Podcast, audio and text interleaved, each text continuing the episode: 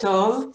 תארו לעצמכם שהילדים שלכם כבר מגיל רך בשנים יפחדו משמנים, יפחדו מהשמנה, ישנאו ילדים שמנים, יירתעו מלשחק איתם, ובראש שלהם יצרב באופן כמעט בלתי הפיך חיבור בין שמן, עצלן, כוח רצון, לא חכם, חולה. תארו לעצמכם שהילדים שלכם כבר מגיל צעיר ישנאו את הגוף שלהם. יחשבו שהם מקולקלים, יחשבו שהם חייבים תיקון, ונורא מכל יתחילו בדיאטה. ומה יקרה אם תגלו שחלק גדול מהסטיגמות והסטריאוטיפים הנוראיים האלה, המוטבעים בילדים כבר מגיל כל כך צעיר, הם בעצם תוצאה של סיפורי הילדים שאנחנו מקריאים לילדים שלנו. סיפורי ילדים תמימים, לילדים תמימים, שהופכים אותם מהר מאוד לממש לא תמימים. ולסוגיה כבדת משקל זו, שבמלוא מובן המילה באמת כבדה, מוקדש ערב זה שמנופוביה בספרות ילדים.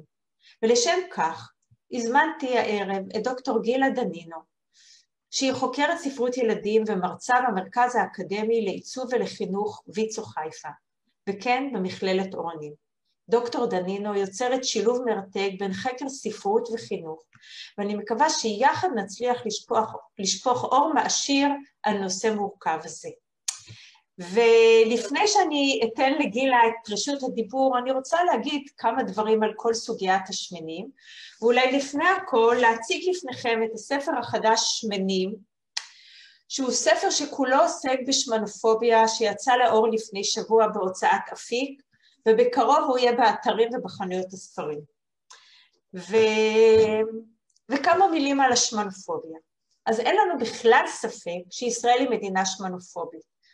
שמנופוביה היא פחד מלהיות שמן, היא פחד מהשמנה והיא פחד מאנשים שמנים. והפחד הזה מלווה המון המון שנאה. השמנופוביה היא רגש נפוץ, וכשאדם הולך ברחוב, 85% מהאנשים העוברים לידו מעידים שהוא מעורר בהם הרבה מחשבות שליליות קשות ומפחידות. השמנים בחברה המערבית מקוללים, כך נדמה, מלכתחילה.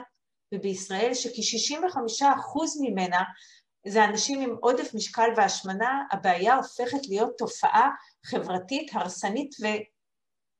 וקצת מפחידה.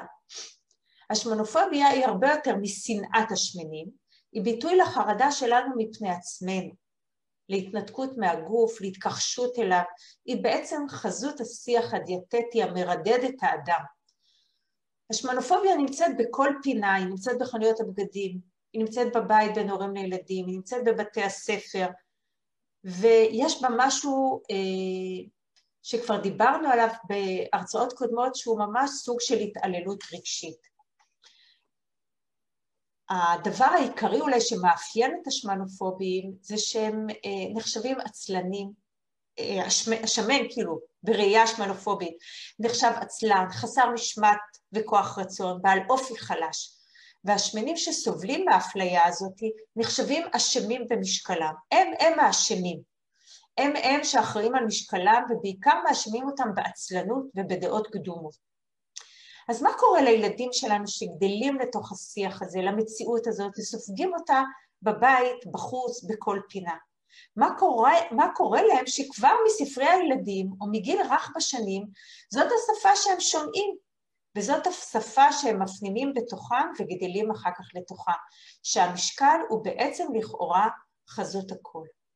ועל הסוגיות האלה ואיך זה בא לידי, לידי ביטוי בספרות ילדים, אז כאמור בשביל זה הזמנתי את דוקטור אה, גילה דנינו יונה. אז אחרי המבוא הארוך הזה, ואחרי זה שאני שוב אזכיר שאנחנו משודרים גם בערוץ של אורלי וגיא, אז אני פונה אלייך גילה עם השאלה הראשונה. אני כבר מודיעה לכם שבניגוד למפגשים אה, קודמים, הפעם יהיה לנו גם קצת תמונות במהלך ההרצאה, אז אנחנו ככה נזפזפ בין מצגת לבין המילים שלנו. אז השפה השמנופובית, כבר הבנו, היא שפה פוגענית מאוד, שיפוטית ומפלה. אין בה שום דבר שמקדם את התפתחות העצמי של הילד. אבל בכל זאת, זו שפה שחדרה אלינו לכל מקום ומלאה בתוך ספרות הילדים.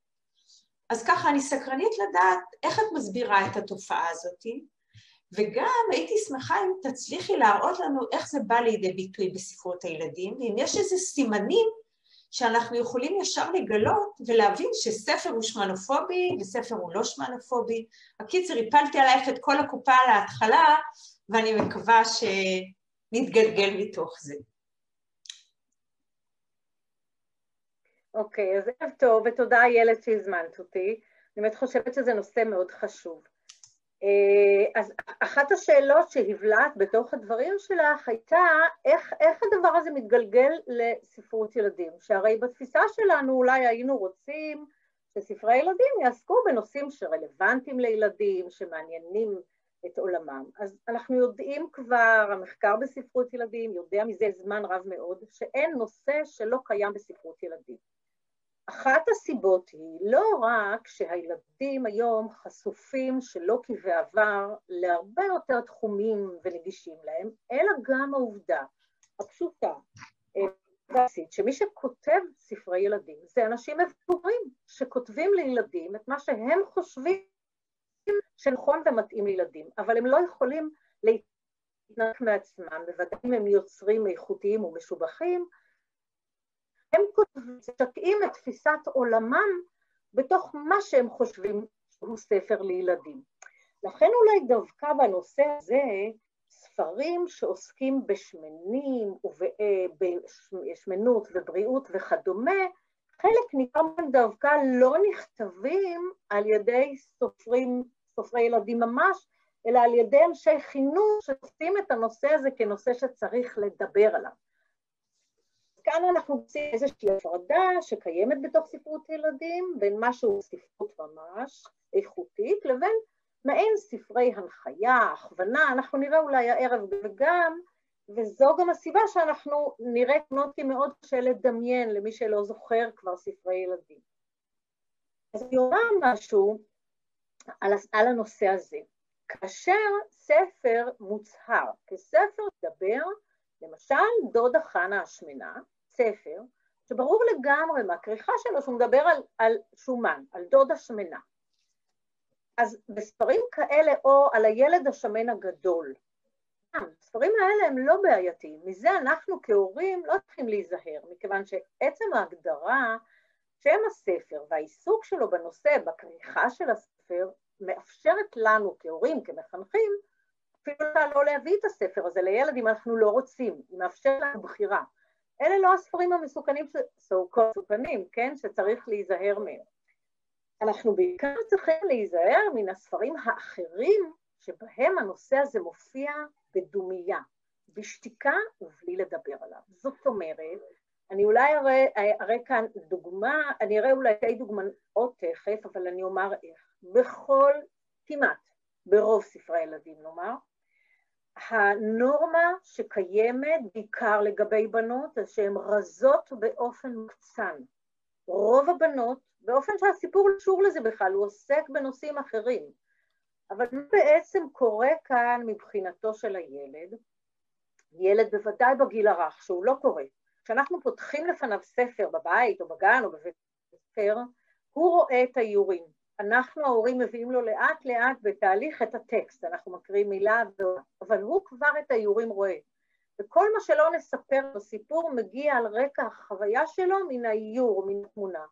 והחוויה שלו שהנורמה היא רזון, אפילו הייתי אומרת מוקצן לגבי בנות. ככה כל, רוב הבנות, אני לא אומר כל, נראות, רזות באופן מוקצן, אני תכף אראה תמונה. ואם יש ילדות או נשים שמנות, הן תהיינה או נלעגות מאוד באיזשהו אופן, הן תהיינה או נורא מפחידות, אבל הן לא תהיינה, כמעט ואין נשים שמנות נורמטיביות, באופן שהן מוצגות באופן נורמטיבי. אז אני רק ברשותכם אראה מקבץ של תמונות של אה, ילדות, אה, של איך נראים אה, שמנים,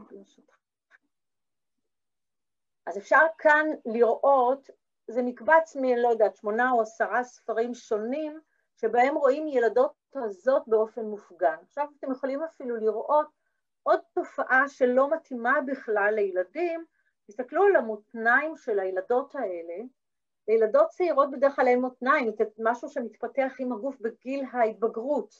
אבל הילדות האלה באופן מופגן מצוירות עם מותניים. אני שמתי תמונה אחת שבה רואים גבר ואישה ביחד באותה תמונה, ואפשר לראות את הפרופורציה האדירה ברזון ביניהם. ואם אנחנו מסתכלים, אז אנחנו רואים מתי מוצגות שמנות באופן נלעג. אני רגע אתעכב ברשותכם לשנייה קלה על התמונה, על התמונה מצד uh, ימין.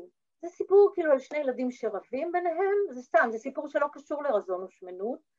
שני ילדים שרבים מי יותר חזק, וכל אחד, כל אחד רוצה לנצח, ואז כל אחד מביא עוד תגבורת. אחד מביא את האבא, את הדודה את המלך, את המפלצת, ואחד מביא את הדודה שלו. עכשיו, הדודה הזאת, כמו שאנחנו רואים, היא דודה שלומדת רטה. אה, עכשיו, זה בדיוק המקום שבו אישה, הוא יכול היה להביא דודה רזה או דודה רגילה או כל מיני, נכון? אבל מובאת כאן דודה שמנה מאוד, שיש לה חגורה שחורה בקראטה, והאופן הנלעג שבו היא מצוינת זה שהיא עם נעלי עקב.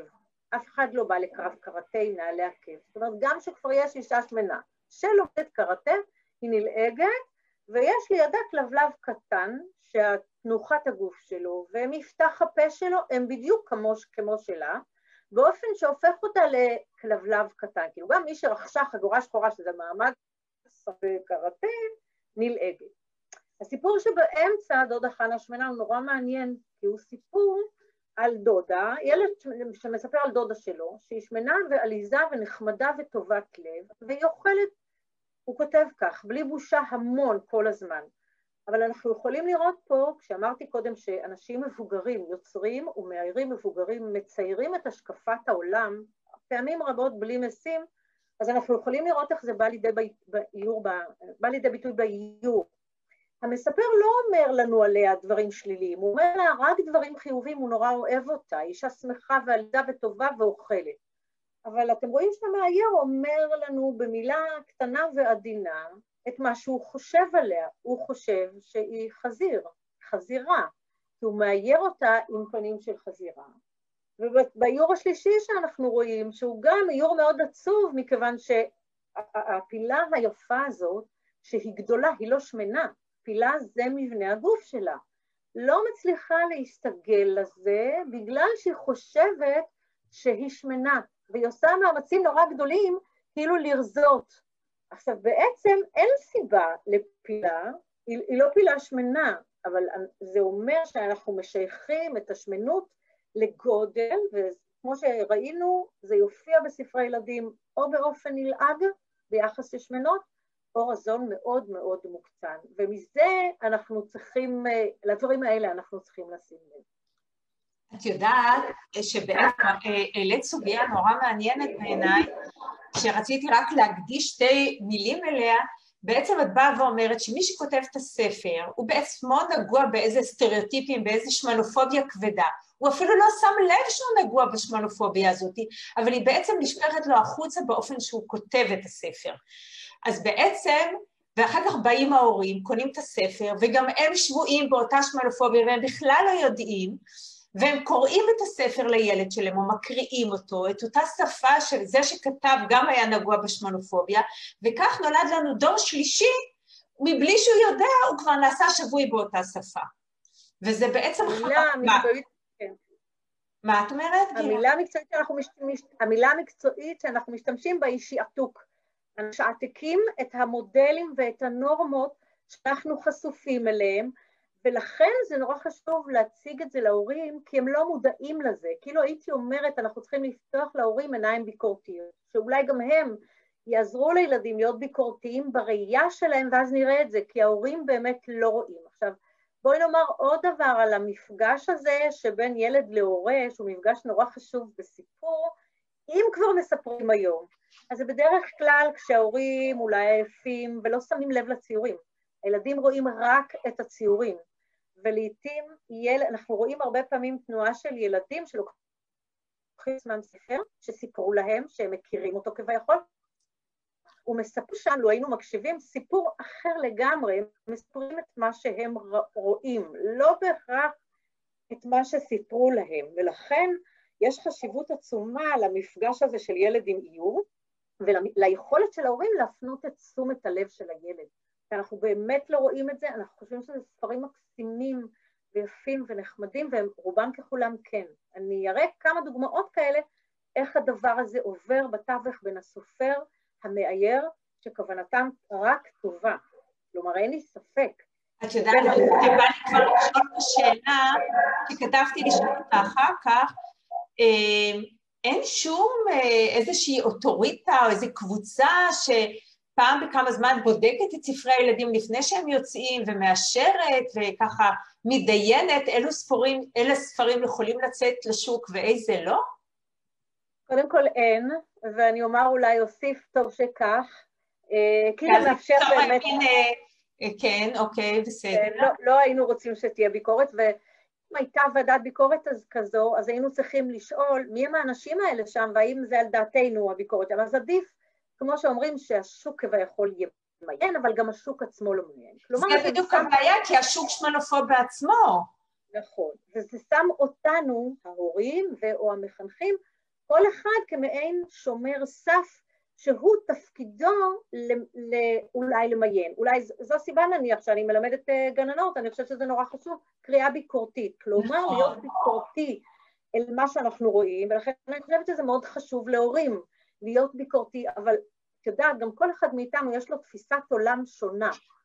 אז אה, סתם אני אתן דוגמה אחרת, מעולם אחר, אה, איך התייחס הורה, נניח הומוסקסואל, לסיפור שיש בו ילד הומוסקסואל, ואיך יתייחס הורה שחושב שזה דבר נוראי. נכון. זה מאפשר לכל אחד מההורים האלה לעשות את הבחירה עבור הילדים שלהם, וממילא אנחנו מחנכים את ילדינו כמו שאנחנו... נכון, כמו אבל את יודעת, יש לנו המון רעש שם כל הזמן, אני לא יודעת מאיפה זה, אבל מה שרציתי להגיד, שהבעיה היא, אנחנו ככה מתדיינות היום על ספרות ילדים, אבל בפועל זה גם בא לידי ביטוי בספרות בבתי הספר. ושם את יכולה לראות המון לעג, או למשל אה, המון לעג שבתוך ספרות, גם בספר חשבון וגם בספר עברית וגם בספר מולדת, ובעצם זה משתרבב לתוך הזהות של הילד בלי שבכלל שמים לב, זה כזה חמקמק ולאט לאט מעצב את האישיות שלו בלי בכלל אה, שהוא שם לב לזה. נכון. זה רק סוגיה שאנחנו עכשיו עוסקים, ולכן אני חושבת שהיכולת להיות ביקורתי כלפי כל מיני דברים, היא בעצם המפתח שלך להתנהל בעולם הזה שלנו, שבו דווקא היום, בעידן הזה של הפוסט-טרוש, אנחנו לא יודעים אפילו מהי האמת, אז האחריות נופלת על האדם עצמו, על ההורה המחנך וכדומה, ולכן אני חושבת שזה חשוב אה, שבעתיים. עכשיו, הדבר הזה נמצא בספרי ילדים רכים לגיל הרך, הוא מעצב מגיל אפס את הילדים שלנו, אה, אה, ובאמת אפילו מתוך כוונות טובות, כלומר, אה, גם, גם זה המצאי שיש בספרות הילדים, אבל גם עיקר הכוונות הן כוונות טובות, והן כמעט תמיד נסתרות מעיניהם של היוצרים. אני מסכימה. נכון, זה מאפשר לנו מקום, החוקרים, להתבונן על היצירה, אבל אנשים שהם יוצרים, הם יוצרים באופן אינטואיטיבי. אתה צריך להיות מאוד מאוד מודע ליצירה שלך בשביל לא לעשות את הדבר הזה, לעשות הפוך על הפוך, כאילו הפוך מתהליך היצירה, וזה לא הדבר ש... נכון, אני חושבת שרוב הסיפורים בעצם נגועים באותו דבר שהם מנגיעים בו אותנו.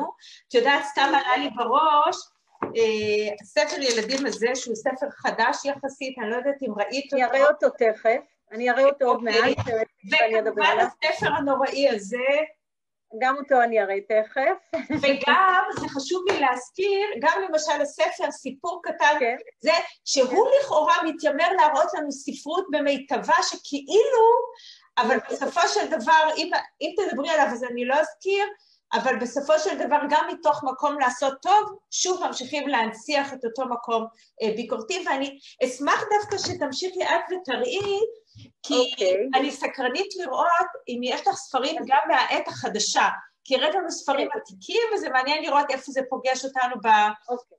בשנות ה-20 החדשות האלה, כן. כן, אז אני הייתי, כן, הייתי רוצה, אני אראה רגע חלק מהספרים האלה, ואני רוצה לדבר על זה שאנחנו מבנים את הדבר הזה לילדים בגיל הרך מאוד מאוד מאוד, באמצעים מאוד מאוד מאוד עדינים. אני אתן דוגמה לספר שהוא, קודם כל, אני לא, כמובן לא מבקרת את היוצרים כפי שאת מבינה, אני מבקרת את היצירה עצמה, זה ספר שהוא מאוד אהוב ומאוד מקובל ומאוד נוכח בספרי ילדים, בגנים ובספרי ילדים. אה, רגע, אני אראה אותו מיד. עכשיו, הספר הזה, שאת הראית אותו. עכשיו, מה הסיפור של הספר המתוק הזה? הוא בעצם סוג של לא ספר, והוא לגיל של ילדים שעוד לפני שהם מבינים עלילה בכלל. כלומר, הוא מעין ספר משחק, יש המון ספרי משחק לילדים רכים מאוד. רכים זה, אני אומרת, באמת שנתיים, שלוש. עכשיו, מה המשחק כאן? הוא גם משחק של ללמוד שפה, וגם ללמוד חרוזים, וגם ללמוד שמות, וגם ללמוד מאכלים. אז כשאנחנו מתבוננים באופן ביקורתי לסיפור, אז אנחנו שואלים את עצמנו איזה הכרעה יכולה הייתה לעמוד למחברת ולמאיירת. ואני לא רוצה לדבר על העניין המגדרי כאן, אבל יש פה מחברת ומאיירת. אז בעצם זה מין ספר משחק שבו בכל עמוד כתוב מה אוכלת חנה נניח, ואנחנו, כל הילדים, תדמיינו את המעגל של הילדים בגן, כולם צועקים ביחד חנה, בננה, נכון? אנחנו כולנו יודעים ואנחנו לומדים ככה חרוזים. אז עכשיו אם אנחנו, אני אוספת לרד ויכולה לראות מה אוכלות הבנות, אני אספתי את זה, זה לא ככה מופיע בספר, אוקיי? אה, ומה אוכלים הבנים, ומאוד בולט לעין לראות שהבנות אוכלות, הייתי אומרת נניח מאכלים יותר פחמימתיים, סוכרתיים, לא יודעת, והבנים שותים מים, שותים חלב, אוכלים גזר. ילד בריאותי יותר והבנות פחות בריאותיות. בדיוק. זאת אומרת, עכשיו זה רק התבוננות ביקורתית. בספר הם מעורבבים והילדים כולם לומדים, אליעזר גזר וחרוזים, וזה נורא נחמד. אז כמובן הייתה שאלה מהם המאכלים, עכשיו ספר נורא חמוד, אבל אמרתי זה ספר משחק. אז איך הספר הזה יסתיים? הרי הוא יכול לא להסתיים לנצח, איך הוא יסתיים בכל זאת? צריך לעשות לו איזושהי פואנטה, אם אנחנו רוצים לקחת את המשחק הזה ולהפוך אותו לספר ש- שמוכרים אותו גם. אז הספר הזה מסתיים בשאלה, ומה אוכלת גברת שולה? לעומת רשימה של ילדים, יש לנו גברת. עכשיו גברת שולה, כי זה שובר את הסכמה של ילדים ושמות של מאכלים, גברת שולה אוכלת, כמו שאתם רואים, מה שתיתנו לה. עכשיו, מה שתיתנו לה זה הוא לא כי היא איננה בררנית, או כי לא אכפת לה. אפשר לראות בתמונה, קודם כל, שהאישה הזו שמנה. אנחנו יכולים לראות בתמונה באיזו חדווה היא אוחזת בגלידה, ואיזה מאכלים מחכים לה שם, וקפקייקס, ועוגות קרם, ופיצה וספגטי, וכל מה שמחכה לה, והיא הולכת כמו שאנחנו יכולים לדמיין, או שילד יכול לדמיין, לאכול את כל השולחן, בשפת הסלנג היינו רואים, היא הולכת לחסל שם את הכל, כלומר, מה היא? אנחנו, ברור לנו מה היא כאן, ואנחנו אפילו יכולים להתבונן על הדקות הזאת ולראות שהיא לא, יש שאלה באיור, אני סליחה פותחת סוגריים, של כיצד מאויר האיור ביחס אליי הצופה. האם בפרונט, האם הוא מסתכל אליי, אני רואה את הדמות מאחורה, מהצד, יש לכל אחת מהזוויות האלה יש לה משמעות. במקרה הזה הגברת הזאת לא מסתכלת לנו בעיניים. כלומר, היא נמנעת מהמבט שלנו, הצופים, כאילו יודעת שאם היא תתבונן לנו בעיניים, מה נגיד לה? אנחנו נגיד לה, אולי, אה, מה קורה? מה, מה העניין? כן? לאן את הולכת עם, ה, עם השולחן הגדול הזה? ובתוך זה מובלעת האמירה שלנו על האישה הזאת, שהרי אה, על, על חזירות, על גרגרנות, שכך מופיעות רוב הנשים שהן שמנות, בספרי ילדים אין הרבה, אבל אלה שנמצאות הן חזירות, לא יכולות לשלוט באכילה שלהן, גרגרניות הייתי אומרת, ראינו כבר גם אחת כזו וגם אחת כזו, מה שלא דומה אצל בנים, אולי יצא לנו אחר כך גם אה, לראות רגע ולדבר על זה, אבל אצל בנים זה אחרת. ואם דיבר על העניין הזה, את אמרת שאנחנו נגועים, הייתי רוצה לומר, אנחנו מובנים לזה. גם המחברת וגם המאיירת מובנות אל הדבר הזה. אפשר היה לצייר כאן אישה צנועה. נגיד שרצינו לסיים עם גברת שולה, גברת שולה במידות רגילות, צנועה, שאוכלת, שאנחנו לא רואים מה היא אוכלת בצלחת, שלא אכפת לה, כאילו, היא לא בררנית באוכל. אבל יש פה בחירה לא מודעת, שמעבירה אל הילדים כבר את, ה, כבר את המסר הזה. אנחנו יכולים לראות את זה כאן, כי הרי אם רצינו לשבור את הנוסחה הזאת של ילד עם שם חנה בננה, רבית, צנונית וכדומה, אז יכולנו גם לבחור אחרת, ויכולנו גם לבחור לא לגמור עם אישה שמנה. כאילו אפשר גם היה לבחור נניח עם איש שמן, או בכלל בלי שמנים. למה לקשור ספר שלם שעוסק באוכל לשמנות? אם, אם כבר עשינו את הדבר הזה, לא בהכרח כל אוכל קשור לשמנות. נכון, אני ממש מסכימה איתך, אני ממש מסכימה איתך, לצערי כי רב, ומה שעוד הייתי רוצה להוסיף פה, בעיניי, הדיבור הזה, מה שתיתנו לה, היא כמו סוג של פח אשפה, מה שנקרא, בסלנג הישראלי, ו, ו, ו, וככה בעצם מתקבע לנו התפיסה, אדם שמן, הוא לא בורר כלום, הוא סוג של פח אשפה. וכבר אנחנו מבנים את השיפוטיות מגיל כלום, ולאט לאט מתקבע החיבור הבלתי ניתק בין שמנות או שמנות וכל תכונה שלילית אה, שאנחנו רק אה, מכירים. אנחנו אפילו, אני חושבת שזה מחודד יותר, שסיפורים שיש בהם הכרעות מוסריות קשות, אה, מוצג בהם, יוצג בהם ילד שמן. זאת אומרת שבאיזשהו אופן הופכים את השמנים ללא מוסריים. יש סיפור על, על ילד אה, שמן שכולם מציקים לו. אוקיי. ולא רוצים לשתף אותו במשחקי הספורט, ולא פה ולא שם, ואז הוא אומר, קרה לי יום אחד נס. מה הנס שקורה לו? בא ילד אחד יותר שמן ממנו, ואז אני עושה את עצמי בצד של הרזים, ואני מאפשר לכל, לי ולכל הקבוצה ביחד להמשיך ללעוג לשמן החדש. זאת אומרת, יש כאן, יש פה שני דברים בסיפור הזה, אה, אני רגע את הילד הזה, כי ממש חשוב לי לראות איך הוא נראה, הילד השמן. אה, אה, קודם כל אנחנו יכולים לראות שכשיהיה בנים, שבדרך כלל הם רזים, כשהם שמנים יש איזו העצמה של הסולם ביחס לבנים, הם מאוד מאוד שמנים. אנחנו תכף נסתכל אחר כך גם על ההשוואה, כי אני רוצה לומר שהסולם של משקל מאוד מחמיר רק עם בנות, הוא לא מחמיר עם בנים. עכשיו, אנחנו יכולים לראות כאן, ראינו את הילד הזה, וראינו כאן כמה הילד הזה שמן. עכשיו, יש כאן שני דברים. ראשית, הוא מספר הילד האחד, הוא לא יכול היה לשחק עם כולם במגרש, שזה מופיע בהרבה מאוד ספרים שמדברים על ילדים שמנים. אבל ביום שלמחרת שהגיע הילד היותר שמן, הוא כבר רץ ושיחק עם כולם. כלומר, מה מנע ממנו את ההשתתפות במשחקי הספורט? לא, השמנ... לא השומן שלו, אלא המבט של החברה והתפיסה של החברה ששמנים הם לא ספורטיביים והם לא יכולים לשחק. כי אחרת הוא לא היה יכול בתוך יום לנסות אה, לשחק עם כולם. כלומר, זה לא, זה לא באמת השומן, והתפיסה שלנו, מה היא אומרת? שהשמנים, אם כך, הם כבדים, הם לא יכולים לזוז, הם לא יכולים לשחק במגרש. היא אומרת גם שהם מנודים, הם צריכים להיות מנותקים, מורחקים מן החברה, הם לא חלק ממנה, אבל גם היא אומרת ששמנים, ככל שהעניין נתון לשיקול של מוסרי שלהם, על משקל הגוף שלהם, משקל הגוף יותר חשוב. הילד הזה מוכן, במקום לייצר קואליציה עם הילד החדש ולהפסיק את ה... לפורר את ההגמוניה הזאת של כל הילדים שלועגים למישהו חדש, היה יכול ליצור את הקואליציה ולהגיד, היי חבר'ה תפסיקו, אבל הוא לא עושה את זה. כלומר, משקל הגוף הוא כל כך מכריע שהוא עולה על השאלות המוסריות ועל עוד הרבה מאוד שאלות רבות אחרות, כאילו אם היינו חושבים, נניח, איך היה מתנהג ילד רזה אם בסיפור הזה היה בא ילד כהה עור.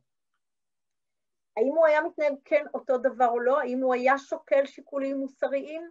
אז אנחנו רואים שיש קושי מוסרי אצל הרבה מאוד, כאילו חולשה מוסרית הייתי אומרת לזה, חולשה אני, אני, אני, אני רוצה להוסיף לפה שני נתונים של מחקרים אז זה מחקר אחד שמראה שבקבוצות השווים, או בני, ילדים ובני נוער, יותר מאשר משפיע המשקל של הגוף, משפיע או פוגע היחס של, של הקבוצת השווים. זאת אומרת, ההשפלה שהחברים עושים יותר משמעותית מעצם המשקל.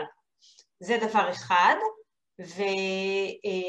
והדבר השני, זה למה בעצם המשקל של הילדים הוא כל כך עמוק בנזק או בתפיסה המוס... שבעצם מנצחת הכל, שום מקום מוסרי לא קיים ולא נשאר, כי במשקל הילד נאשם.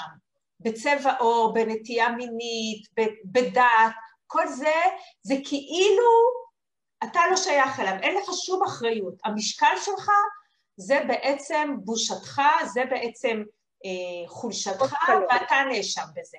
וברגע שאתה נאשם בזה אפשר לשים עליך את כל החבילה ואתה צריך לסחוב אותה אם תרצה או לא תרצה. ואתה מפנים את זה בתוכך וחי עם זה. בדיוק. זה, המשקל הוא עוד קלון. ולכן גם, את תראית שני ספרים שאני רגע אתייחס אליהם, אה, כאן גם המשקל לא רק שהוא אות קלון או אות כבוד אם אתה מצליח כביכול, אלא שהוא הופך להיות העניין המרכזי. כי אפשר להסתכל, בשיר הקודם שראינו, הרי הילדים לא קוראים לילד בשם, הם קוראים לו שמן. גם המחברת עושה את אותו דבר, לשם השיר קוראים שמן. כלומר, היא לא משיימת אותו. ברגע שאתה שמן, אתה לא אובייקט, אתה, אתה הופך להיות אובייקט, אתה לא סובייקט.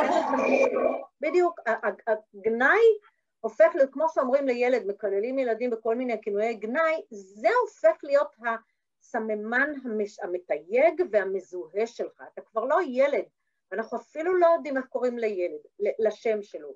אז אם הייתי שואלת הורים, מה אתם צריכים לעשות, איך תהיו ביקורתיים, אתם קוראים סיפור כזה? אז אתם יכולים שני דברים, קודם כל בואו נשאר איך אתה חושב שקוראים לילד הזה, ונורא מעניין איזה שם הילד יבחר לו, אבל דבר נוסף שהייתי אומרת, הייתי שואלת, מה אפשר היה לעשות אחרת? הוא מנסה, כי כבר יש לנו שלושה, יש את הילד החדש, את הילד הישן ואת הילד שלך שאתה מקריא לו את הסיפור. זה כבר ממש קואליציה. נכון. כן, אפשר ביחד.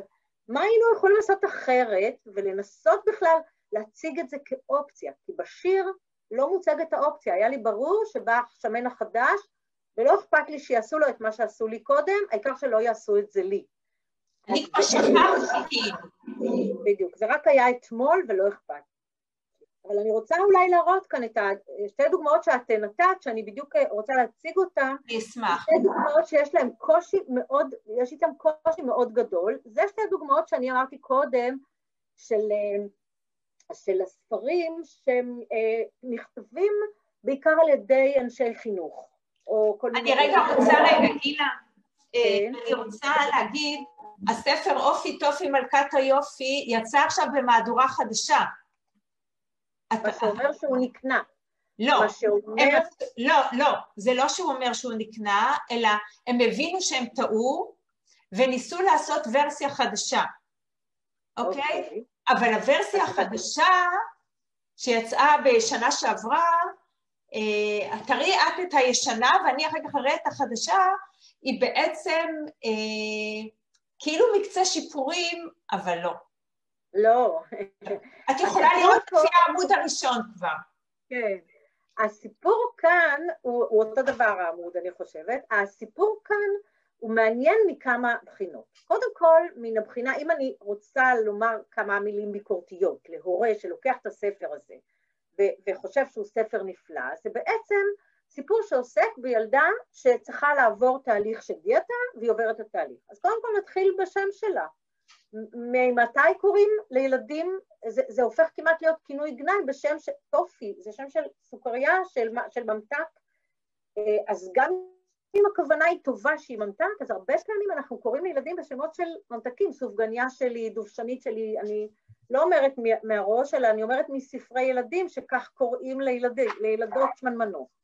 עכשיו, אז דבר אחד, מה אנחנו רואים כאן? אופי טופי, כלומר זו ילדה שתכף נגלה שיש לה אופי. עיקר האופי שלה מתבטא ביכולת שלה לרדת במשקל. אז מה כל הסיפור כולו במה הוא עוסק? בילדה, יש לה קול פעמונים, שיודעת לשיר נפלא. עכשיו, ילדה שיודעת לשיר נפלא ולומדת שירה ומתאמנת, היא ילדה שיש לה תכונה מרכזית מאוד מאוד חשובה, והיא משקיעה בה אנרגיה. הילדה הזאת מופיעה בבית ספר ואיזה ילד בקהל אומר, אה, אומר לה איזה מילה מעליבה על, על משקל הגוף שלה, ובזה נגמר הסיפור, חוזרת המשפחה הביתה, הילדה בוכה, ואז המשפחה מחליטה ללמד אותה מה ההבדל בין מאכלים בריאותונים למשמינונים. כלומר, מה זאת אומרת בריאותונים ומשמינונים? אנחנו, אם אנחנו רוצים, מה ההופכי של בריאותונים? חולי. ההפך של בריאות זה חולי. ומה הם שמים פה כההפך של בריאותונים? משמינונים. אז כלומר... בספר החדש, גילה, הם קוראים לזה ריקנונים, כאילו שזה מאכלים ריקים, כאילו בלי שאין להם ערך. אה, אוקיי. אוקיי? אבל בעצם אוקיי. בחבוי, אה. בחבוי כבר נמצא שיפוט, שאם אכלת סוכריה, אכלת משהו ריק, ואתה שוב אשם, ואתה כן. שוב לא בסדר. כן. אוקיי. עכשיו, הסיפור המדהים של הילדה הזאת, אני בכוונה שמתי כך את האיורים כדי שאפשר יהיה לראות, זה שבסוף הסיפור היא, היא מקבלת כזה סרט כמו של מלכת היופי, גם קוראים לספר ככה, אופי טופי מלכת היופי. כלומר, כבר בתחילת הסיפור נעלם הכישרון, כישרון השירה שלה. כלומר, התכונה שאותה היינו כהורים צריכים לעודד, לחזק, נעלמת לגמרי, ומה שנותר זה רק סוגיית משקל הגוף שלה שהופכת להיות אישיו. ואם מסתכלים, אני שמתי פה ברצף את הילדה מהתחלת הסיפור לאורכו עד הסוף, שהיא מקבלת את, את תגת היופי, אנחנו יכולים לראות שההבדל הוא כלום. כלומר, ההבדל הוא בין מכנסי הג'ינס שלא נסגרות בהתחלה, למכנסי הג'ינס שנסגרות. מה נאמר, שלושה קילו, שניים שלושה קילו? לילדה כזאת קטנה, צריך לעשות אישיו כזה גדול מילדה שצריכה לרדת שניים שלושה קילו ומבעלת מכוננת ובעלת קול נפלא, היא הופכת למלכת יופי, כלומר מסבים את התכונה הטובה שלה, מעלימים אותה ואומרים לה חמודה את צודקת, במקום להגיד אל תתייחסי לילדים האלה, הם צודקים הילדים האלה, ובואי באמת תאמצי ותכניעי את עצמך ותיכנעי להתנהגות הלא בסדר של הילדים האלה, ותעשי מהלך שלם ודיאטה, והג'ינס יסתגרו ותהיי מלכת יופי. איך נעלמה הזמרת מכאן? אני רוצה, גילה, אני רוצה רגע להקריא לך את השורה האחרונה בספר החדש, כי כאילו ניסו לשדרג אותו, אבל בעצם הנציחו את אותו מהלך. אנחנו מרגישים יפים כשאת הגוף אנחנו מפנקים ולומדים לאהוב את עצמנו מבפנים. טופי הגלגלה עם אופי וגם מרגישה כמו מלכת היופי. כלומר, שוב הגלגלות, שוב רק כשאנחנו אוכלים אוכל בריא אז אנחנו יפים, וכל הזמן אנחנו בעצם, התמונה נשארה אותה תמונה כמו שאת הראית, ובעצם המסר נותר אותו דבר, רק הוא מתחבס במילים אחרות, מבלבלות. ו... השאלה המרכזית שצריכה להישאל פה היא איך עברנו מדיון על הקול היפה שלה למש... לדימות שלה, למבנה הגוף שלה, איך זה הפך להיות האישיו בגלל הערה פוגענית מאיזה ילד שולי בקהל, חוזרים הביתה ולא מדברים איזה הופעה נהדרת הייתה לך לפני כל בית הספר, איך כולם איזה, איך, לא על זה אנחנו מדברים, לא, במקום לחזק את התכונות הטובות אצל ילדים, אז מה שאנחנו עושים זה באמת נכנעים לתכתיב החברתי. הדוגמה השנייה, שהיא דומה מהבחינה הזאת שהיא איש, אה, גם כתבו, כתבה אותה מישהי שיש את חינוך, היא עוד יותר חמורה בעיניי, מכיוון שהיא עושה פה, אני רוצה להעיר כמה הערות ביקורתיות על הסיפור, אני רק אומר מהו הסיפור הזה, אבל זה אימא ונטע עושות דיאטה ואפשר לראות את הכותרת, עוברים לאורח חיים בריא. כלומר, שוב, יש קישור בין רזון ובריאות, אז ההופכי של זה זה שומן וחולי. עכשיו, זה סיפור על ילדה שחשופה לאימא עם דימוי גוף בעייתי, שעומדת לפני המראה ואומרת אין לי מה ללבוש, מתפוצץ לי, מתפוצצות לי המכנסיים, אני לא נראית טוב, אני פה. ופוצחת כל יום בדיאטה אחרת, פופקורן וזה וזה וזה. אומרת, ילדה שעדה לקשיים של אימא שלה בדימוי הגוף ועם עצמה. אז נכון שבעידן שלנו ילדים חשופים לכאלה דברים, אבל אם, אם יש ילדים שלא חשופים, בא הספר וחושף את כולם לבעיות דימוי הגוף ואומר לילדים, תסתכלו בבקשה לאימהות שלכם, האם גם הן יש להם בעיות של דימוי גוף, מה שיכול להיות שילד בכלל לא היה ער לזה. אז הספר הזה הופך את הילדים להיות ערים לזה. ואז הילדה הזאת שעולה, שלומדת בלט, רואים שהיא מאוירת טיפה יותר מאחרות, מה שקורה זה שמוציאים אותה מחוג הבלט, אבל אחרי שהיא עוברת תהליך של דיאטה, אם מקבלות מחמאות, אז אני אומר רגע מילה על התהליך הזה. התהליך הזה הוא עצוב, אפשר לראות את זה גם בכריכה שלו, כי מה זה אומר? אם הילדים קודם לעגו לה, קצת לנטע, ואמרו לה שהיא שמנה והרחיקו אותה מחברת הילדים, בא התהליך הזה של אימא ונטע עושות דיאטה? ומחמיא את זה, כי בכל יום אחר הצהריים, במקום שהיא תשחק עם חבריה לזה, לגיל, אימא לוקחת אותה ואומרת הליכה כדי לרדת במשקל, כלומר עוד יותר אימא מבודדת אותה מן החברה שלה, בעצם מעצימה את הדפוס הזה של משקל הגוף שלה כדבר הכי משמעותי, ומבודדת אותה לעיני הילדים, כי הם הולכים הרי בשכונה, כולם רואים שהיא עושה אימא הליכות, כי למה? כי היא צריכה לרדת במשקל, כי זאת אומרת, אנחנו מעצימים את זה לעיני כל הילדים. גם אם יש ילד שלא חשב שנטע שמנמנה או שמנה, אז עכשיו הוא מבין שהיא ככה. ברגע שהספר עושה מה שהאימא עושה לה, את אותו תהליך, הספר חושף אותה, את כולם לזה, וגם האימא חושפת את כולם לדבר הזה. סופו של הסיפור מאוד עגום, כי הוא בדיוק מדבר על כל הדברים שכאן דיברנו עליהם, היא חוזרת אל הבלט ומקבלת תפקיד ראשי של הברבור. עכשיו, ילדים מיד מבינים את הדבר הזה, כי הברבור היה קודם ברווזון מכוער. כלומר, נטע הייתה קודם, כשהיא הייתה אה, מעט יותר שמנה, וגם כאן אין הבדל של הרבה קילוגרמים, היא הייתה ברווזון מכוער, ועכשיו היא נהייתה יפה. כלומר, מה אנחנו גם אומרים לשמנים?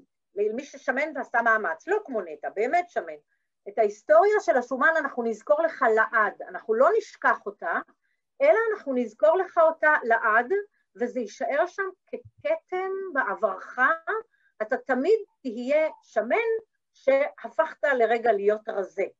זאת אומרת, העניין הזה של הברבור והברווזון המכוער הוא באמת דימוי מאוד קשה שלוקח את הדבר הזה ומפגיש בין יופי ורזון ובריאות. עכשיו, אני לא אומרת שלא צריך ללמד ילדים לאכול בריא, יש המון ספרים כאלה, של ירקות בצבעים, לאכול סלט, טיול בארץ הבריאות, זה דברים נורא חשובים, אבל צריך ללמד ילדים בלי קשר למשקל הגוף שלהם לאכול ירקות, אם אנחנו חושבים שירקות זה בריא, כמו עוד מאכלים אחרים. אנחנו צריכים ללמד ילדים בלי קשר, לאכול, נניח אם אנחנו חושבים שהממתקים זה לא מאוד בריא, לאכול ממתקים במידה, בלי קשר למשקל הגוף שלהם, ולא להצביע כל הזמן רק על הילד שיש לו משקל גוף שאנחנו חושבים שהוא מוגזם. אנחנו צריכים, אנחנו חושבים שפעילות גופנית היא בריאה, לעודד את כל הילדים לעשות פעילות גופנית באופן שלא תלוי למשקל, כי אחרת מה שאנחנו גם אומרים, זה מסר מאוד בעייתי, פעילות גופנית, אה, רק לזמן מוגבל עד שאתה תרזה. אבל אחר כך לא צריך, זה לא באמת חשוב. אבל אנחנו כן יודעים שהדבר הזה חשוב, אז אנחנו צריכים לברור מעט את השאלה מהם המסרים שאנחנו מעבירים לילדים, מה המסרים שהספרים האלה אה, מעבירים לילדים, כלומר, איך אנחנו עושים את הדבר הזה.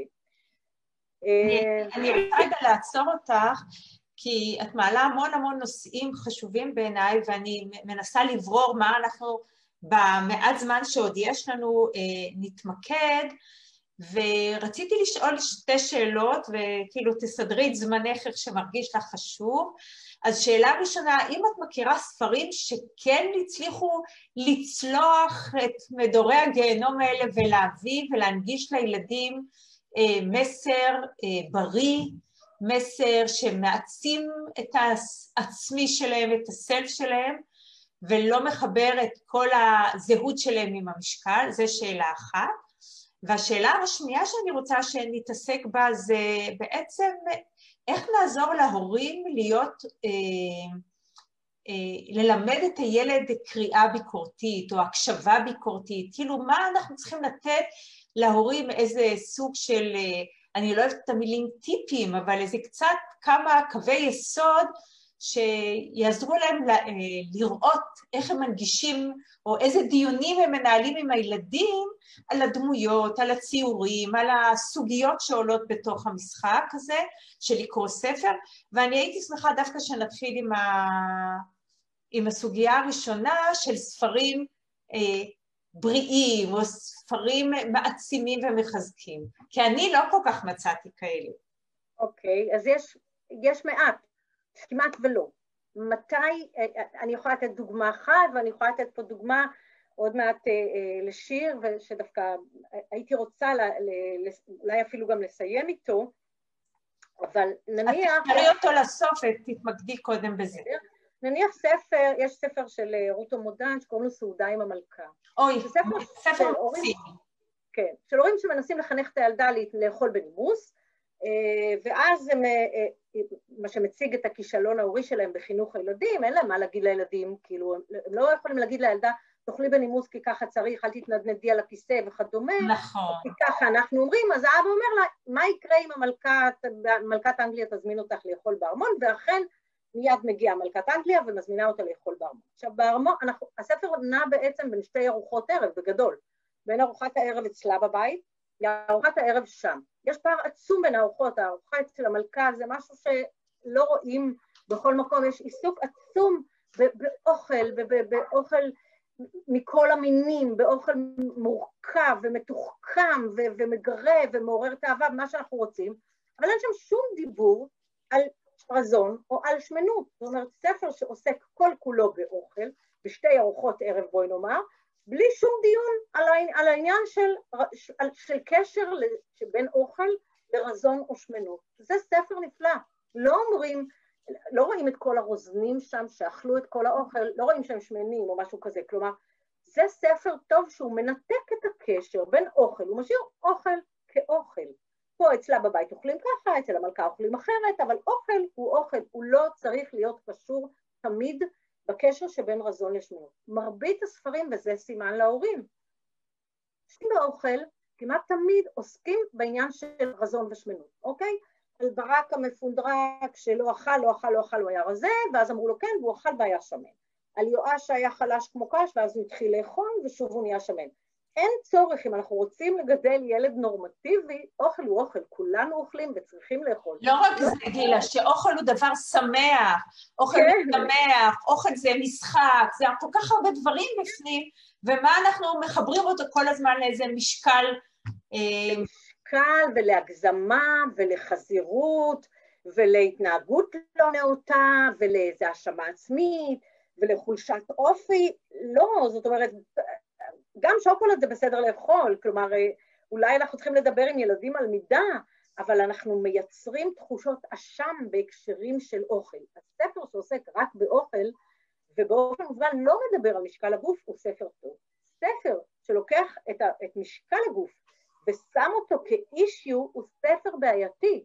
כי מה הוא אומר? או שהוא חינוכי, וראינו כאן שתי דוגמאות, את אופי טופי ואת נטע, ראינו כאן דוגמאות לספר שמנסה להתמודד עם הדבר הזה. אני חייבת לומר שגם בשתי הדוגמאות שראינו, גם אימא של נטע וגם אה, אה, אה, טופי, הן לא שמנות, זאת אומרת, נורא חשוב שאנחנו כהורים נלמד אולי להבחין בין, בסולם השמנות. יש... אבל אני, פה אני רוצה לדייק, גילה, כי לתת את כוחי בתור אשת מקצוע בתחום הזה ולא בתחום של הספרות, שהשמנה זה משהו סובייקטיבי.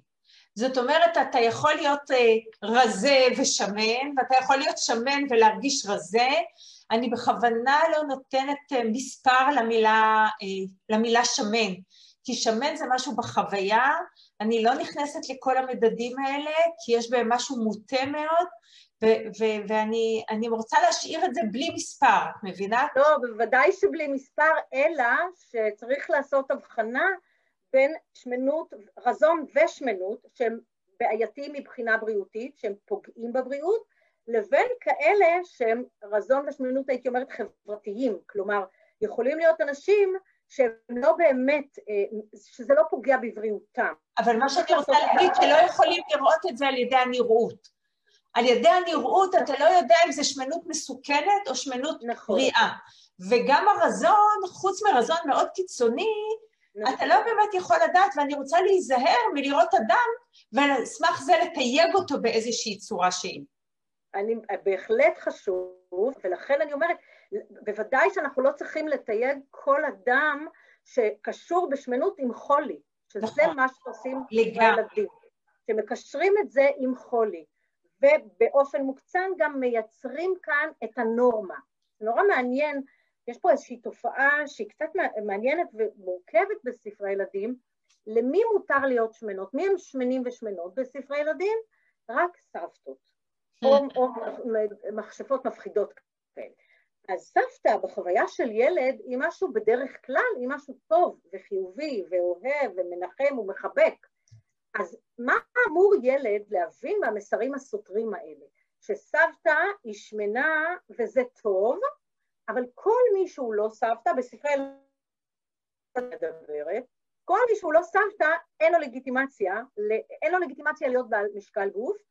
זה דבר אחד שאני רוצה לומר, ואני רוצה לומר שאם יש סיפור על, אני תכף אראה את השיר הזה שנסיים איתו, על ילדה שמנה, ואנחנו צריכים תמיד לשאול את עצמנו האם היא שמנה. כלומר, לאפשר לילד לבחון את הדבר הזה, ואנחנו רואים בכל ספרי הילדים שהסולם של שמנה ושמן הוא לא אותו דבר. כלומר, כשמציירים שמנה זה בדרך כלל אה, אה, כמעט על גבול, אני אראה לכם, רגע, אני חייבת אה, להראות רק... לכי על זה. אני אראה לכם את... מה? אמרתי לכי על זה. כן, אני אראה לכם דוגמה. רגע.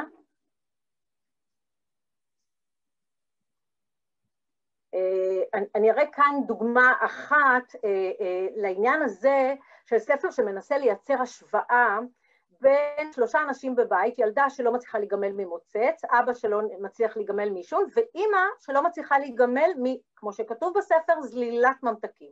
אבל אם אנחנו מסתכלים על מידות הגוף של האימא הזאת, זה לא נורא שהיא, קודם כל היא לא זוללת לדעתי, היא אוכלת, וזה בסדר גמור, מכיוון שזה לא משפיע, אבל היא נחשבת בספר הזה שמנה, והם לועגים לה מתי היא תפסיק לזלול. כלומר, הסולם כמובן גם אין, יש הבדל גדול, כמו שאנחנו יודעים, בין העישון לבין אכילת ממתקים, אבל הסולם לגביה מאוד מחמיר. אני אראה לכם עוד דוגמה של הצילו אימא בדיאטה. תסתכלו על האימא הזאת, זה לא אימא שצריכה דיאטה, זה סיפור שילד מספר על החוויות, ושימו לב שזה ספר שני ויש עוד רבים כאלה של ילדים שמשתפים אותנו בחוויות, הספרים משתפים אותנו, בילד שמספר על החוויות של דימוי הגוף של אימא שלו, כמו עם נטע, גם כאן אין הבדל בין אימא ואבא במשקל, אבל אימא צריכה דיאטה, כן? הצילו היא בדיאטה ותראו איזה, מה לומדת ילדה צעירה, באיזה שלב היא צריכה להיכנס לדיאטה, כמו שנראית הגברת הזאת, שעכשיו היא נכנסת לדיאטה, זאת אומרת ככה היא נכנסת לדיאטה, אז, אז מה הסולם, מדוע הסולם לגבי ילדות ונשים הוא מאוד מחמיר. ואם אנחנו קצרים בזמן, אז... יש לנו עוד שלוש דקות, גילה. אוקיי, אז אני רוצה לסיים ולומר כמה מילים על, על השיר הזה, ודרכו גם אני אסכם ואומר מילה על, על העניין הביקורתי. אה, ואני בכוונה שמתי את הילד שפגשנו כבר קודם בצמוד לזה, ואנחנו יכולים לראות כאן, זה שיר על ילדה שמנה, וקודם ראינו שיר על ילד שמן. ואנחנו יכולים לראות כאן בבירור כיצד הסולם לגבי שמנו, ילדות שמנות מחמיר יותר. זאת לא ילדה שמנה, נקודה. אבל כך היא מצוירת כשמנה. אה, ומה אומרת הילדה הזאת? זה שיר עם המון עצב והמון תקווה. היא אומרת, אני עומדת בפינה, הם קוראים לי שמנה, שימו לב שגם כאן, כמו המחברת עושה מה, שעושה, מה שעושים הילדים, היא לא נותנת לה שם, אין לה שם לילדה הזאת, היא נותרת השם שקוראים לה השמנה, היא אומרת, אני לא משחקת עם אף אחד, אני בקצה המגרש לבד, אני כל כך רוצה לשחק עם כולם בקבוצה, בכדור, בקפיצה, ולא לשמוע את כל השכונה אומרת, הנה השמנה, ופעם אחת להיות ראשונה. לא שלישית, לא שנייה, ראשונה ושונה. והשיר הזה, העצב הגדול בו הוא העצב שמייחסים לילדים שמנים ולילדות שמנות, עוד יותר לילדות רזות שקוראים להן שמנות, זה שיר שאומר שהן מבודדות והחברה מייחסת להן חוסר יכולת להשתתף במשחקי ספורט, שזה הדבר השכיח של ילדים אחר הצהריים, והילדה המסכנה הזאת אפילו באה מוכנה עם כדור למגרש, כלומר לא נותנים לה סיכוי, וכל מה שהיא מבקשת זה סיכוי להיות חלק מכולם. אבל מה שמעודד בשיר הזה, זה העובדה שהיא לא אומרת אני רוצה לרזות כמו הילד בשיר הקודם, אני לא מצליחה אלא היא מבקשת, שזה הדבר שאני הייתי מקווה שיקרה, היא מבקשת שהחברה תשנה את היחס אליה. לא שהיא תשתנה ותתאים את עצמה לסולם הנורמות של החברה ותעשה דיאטה ובריאותונים וריקים וכדומה, אלא היא אומרת, אני רוצה שתיתנו לי הזדמנות, היא לא מדברת, היא אומרת, הם קוראים לי, אבל היא לא חושבת שהיא צריכה לעבור שינוי, היא אומרת, החברה צריכה לעבור שינוי, תקבלו אותי כמו שאני, תנו לי להשתתף ותראו שאני יכולה להיות ראשונה. אם פעם אחת ייתנו לי, אני יכולה להיות ראשונה ושונה. כלומר, זה בסדר שאני אשאר שונה. וזה מה שיש בשיר הזה באמת אה, המון תקווה, אני אסיים אותו, יש בו המון תקווה, כי אני חושבת שזה המסר. המסר שלנו צריך להיות שהחברה צריכה ללמוד להכיל את כל השונים שלה. היום אנחנו מדברים על זה, אבל התופעה הזאת שלגבי ילדים עם צבע עור כהה קיימת בספרי ילדים, ילדים בעלי מוגבלויות קיימת בספרי ילדים, ילדים שהם ג'ינג'ים, שנים היה, ג'ינג'ים היה החריגות הכי גדולה, עכשיו יש לנו מגוון של חריגויות, ואני חושבת שזה המסר אלינו כהורים, איך אנחנו יכולים לקבל אותם, מה אנחנו יכולים לעשות, ואם לנו יש ילדים שמנים, אולי מה שאנחנו צריכים לעשות זה אחד משני דברים, גם להדגיש אולי את הדברים האחרים הטובים בהם בילדים האלה, ולא לתת משקל כל כך חשוב לגוף שלהם, למבנה הגוף ולמשקל הגוף, ואולי גם לא לאפשר להם מה שעושים בספרי ילדים, זה להתייחס לחלקים של הגוף. זה קורה בהרבה מאוד ספרי ילדים, כלומר יש לי בטן, אכלתי ויש לי בטן נורא שמנה, יש לי ידיים נורא שמנות, כאילו לא לפרק את הגוף לחלקיו, שזו סוג של החפצה, אלא להתייחס כמכלול אל הגוף, כי כשאנחנו מתייחסים באופן פרטני, אז. ואם את אה, מרשה... ברור. ברשותך, אז אני רוצה להראות את הספר הזה אה, שכתבתי, שיצא בהוצאת רסלינג, שבעצם הוא קריאה פמיניסטית בספרי ילדים, ויש בו פרק שלם שעוסק בעניין הזה של דימוי הגוף, של תנועת הגוף, אצל, בספרי ילדים כמובן, גם על הרזון והשמנות, גם על מיניות ואירוטיות בספרי, בספרי ילדים, ובכלל עוסק בזה, כמו גם באלימות ובעוד אה, נושאים אחרים, אז מי שמעוניין להרחיב אה, מוזמן. אה, זהו המסר שלי. גילה, אני חושבת שהיה מרתק, מאוד משמעותי ומאוד משלים לכל רוח הדברים שאנחנו מנסים פה אה, להעלות ב, בסדרת ההרצאות פה. אני חושבת שבאמצעות ההסברים, שגם היו מאוד נהירים וגם היו מאוד אה, מרגשים, כאילו נתנו עוד איזה נדבך מאוד מאוד חשוב. אז אני רוצה להודות לדוקטור גילה דנינו יונה, ואני רוצה גם להודות לכם הקהל שהייתם איתנו, וכרגיל אני רוצה להודות לאלון קלטר הבן שלי על הארגון, ולאורלי וגיא על האכסניה המפנקת, ואני רוצה לשתף אתכם שבשבוע הבא, ביום ראשון בשעה שמונה בערב, יתקיים כאן מפגש מאוד מיוחד ומרגש לרגל יציאת הספר שלי שמנים, בו צביקה הדר יראיין אותי. המפגש יתקיים בבית אה, הוצאת אפיק בתל אביב וישודר בשידור חי בעמוד הוצאת אפיק, בעמוד של אורלי וגיא וגם כאן בעמוד של שפת האכילה. וההרצאה הבאה תתקיים בעשרה בינואר שנת 21 בה נארח את דוקטור ציפי העצני שהיא פסיכולוגית קלינית מבית הספר לבריאות הציבור בחיפה ואיתה נשוחח על הנושא הרגיש לראות את האדם מעבר למשקלו. תודה גילה, תודה לכם וערב טוב.